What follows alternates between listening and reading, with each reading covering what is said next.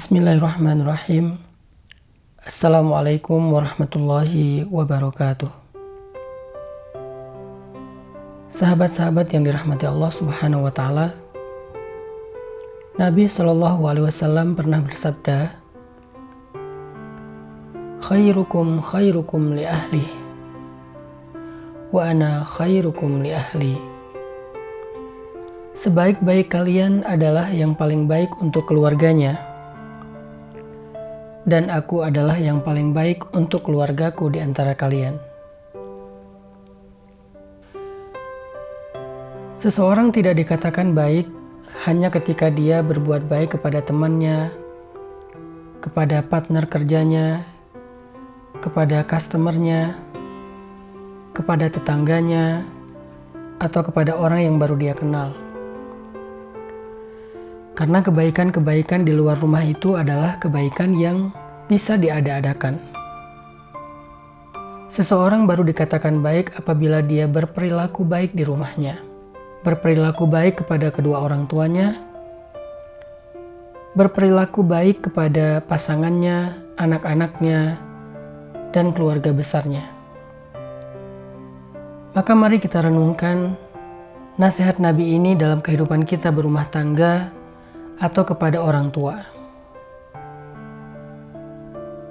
Bagaimana harusnya kita menjaga sikap dan ucapan kita agar ucapan-ucapan kita itu selalu menyenangkan orang yang ada di sekeliling kita. Karena sesungguhnya menyenangkan hati orang lain adalah ibadah. Apalagi orang itu adalah keluarga kita sendiri. Menyenangkan hati orang-orang yang ada di sekitar kita itu adalah amal yang paling disukai oleh Allah Subhanahu wa taala. Suatu ketika ada seorang sahabat bertanya kepada Nabi, "Ya Rasulullah, ayyul a'mal ahabbu ilallah?" Amal apa yang paling disukai oleh Allah Subhanahu wa taala? Nabi menjawab, sururun tudkhiluhu ala qalbi muslim. Amal yang paling disukai oleh Allah Subhanahu wa taala adalah menyenangkan hati orang yang beriman. Maka dari sini kita mengerti bahwa ucapan kita itu bisa menjadi amal solih apabila ucapan-ucapan kita menyenangkan hati orang yang mendengar, terutama keluarga kita. Sehingga dalam kesempatan ini saya ingin ngajak teman-teman semuanya untuk memperhatikan kembali kalimat-kalimat kita ketika kita berbicara dengan keluarga kita. Khususnya dengan pasangan kita. Tetapi juga bisa dengan orang tua kita, anak kita, saudara kita, keluarga di dalam rumah kita. Karena bisa jadi ketika kita memilih topik yang walaupun itu bukan secara khusus tentang agama, Asalkan topik itu sesuatu yang baik dan menyenangkan hati orang yang mendengarnya, maka itu adalah amal yang paling disukai Allah Subhanahu wa taala. Coba kita renungkan tentang topik pembicaraan kita dengan pasangan misalnya. Seringkali kita bersikap egois berbicara tentang topik-topik yang kita anggap penting, yang kita anggap sesuatu yang serius, padahal mungkin topik itu tidak tepat untuk kita bicarakan dengan pasangan kita dalam kondisi tertentu. Ketika dia sedang lelah, ketika dia sedang sensitif, kita malah membicarakan topik-topik yang kadang-kadang kurang peka dengan perasaan dia. Harusnya kita mencari topik yang bisa menghibur hatinya, yang bisa menyenangkan dia, yang kita bisa tektokan dengan dia sehingga dia bersemangat untuk berbicara dengan topik itu sehingga dia lebih semangat untuk ngobrol dengan kita. Kadangkala topik yang kita anggap nggak penting tetapi menyenangkan hati pasangan kita itu adalah topik yang lebih Allah suka daripada topik yang kita anggap serius tetapi dalam kondisi itu tidak menyenangkan hati pasangan kita.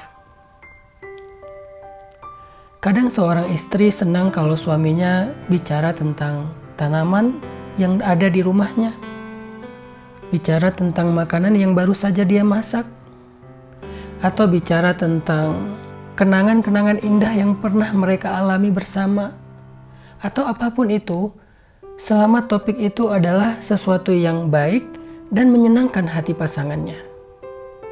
Maka itu lebih Allah sukai daripada tiba-tiba dia bicara tentang topik yang serius tentang politik misalnya.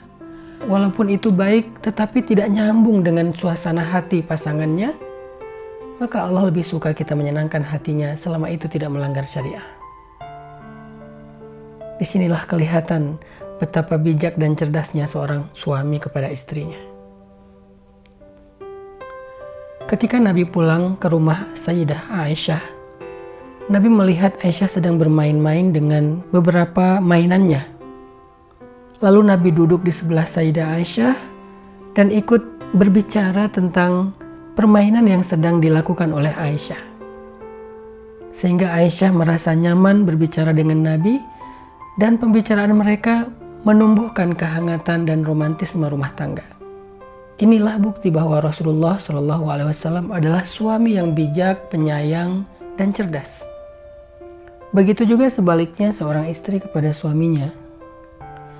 Seberapa cerdas kita memilih sebuah topik yang membuat suami kita bergairah, yang bisa membuat suami kita merasa rehat sejenak setelah dia lelah bekerja di luar dengan segala macam urusan-urusannya yang serius.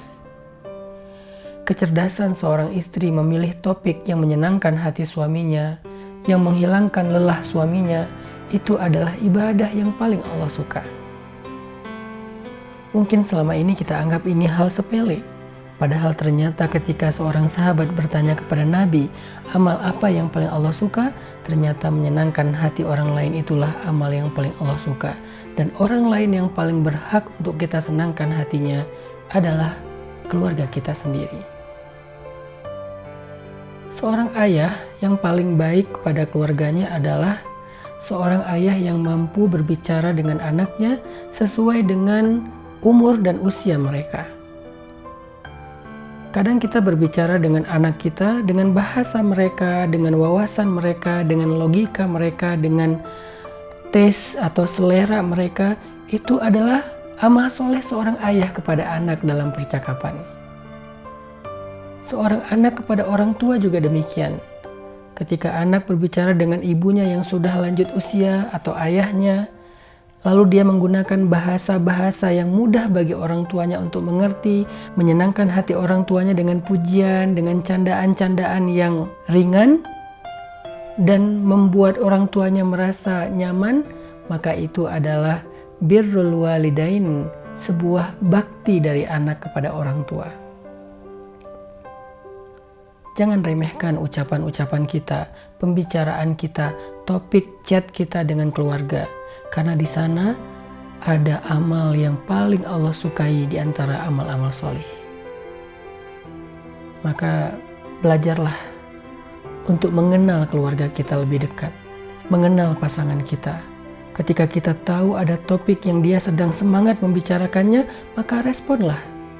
Jangan cuekin pasangan kita yang lagi bersemangat membicarakan satu topik, walaupun topik itu menurut kita nggak penting-penting amat.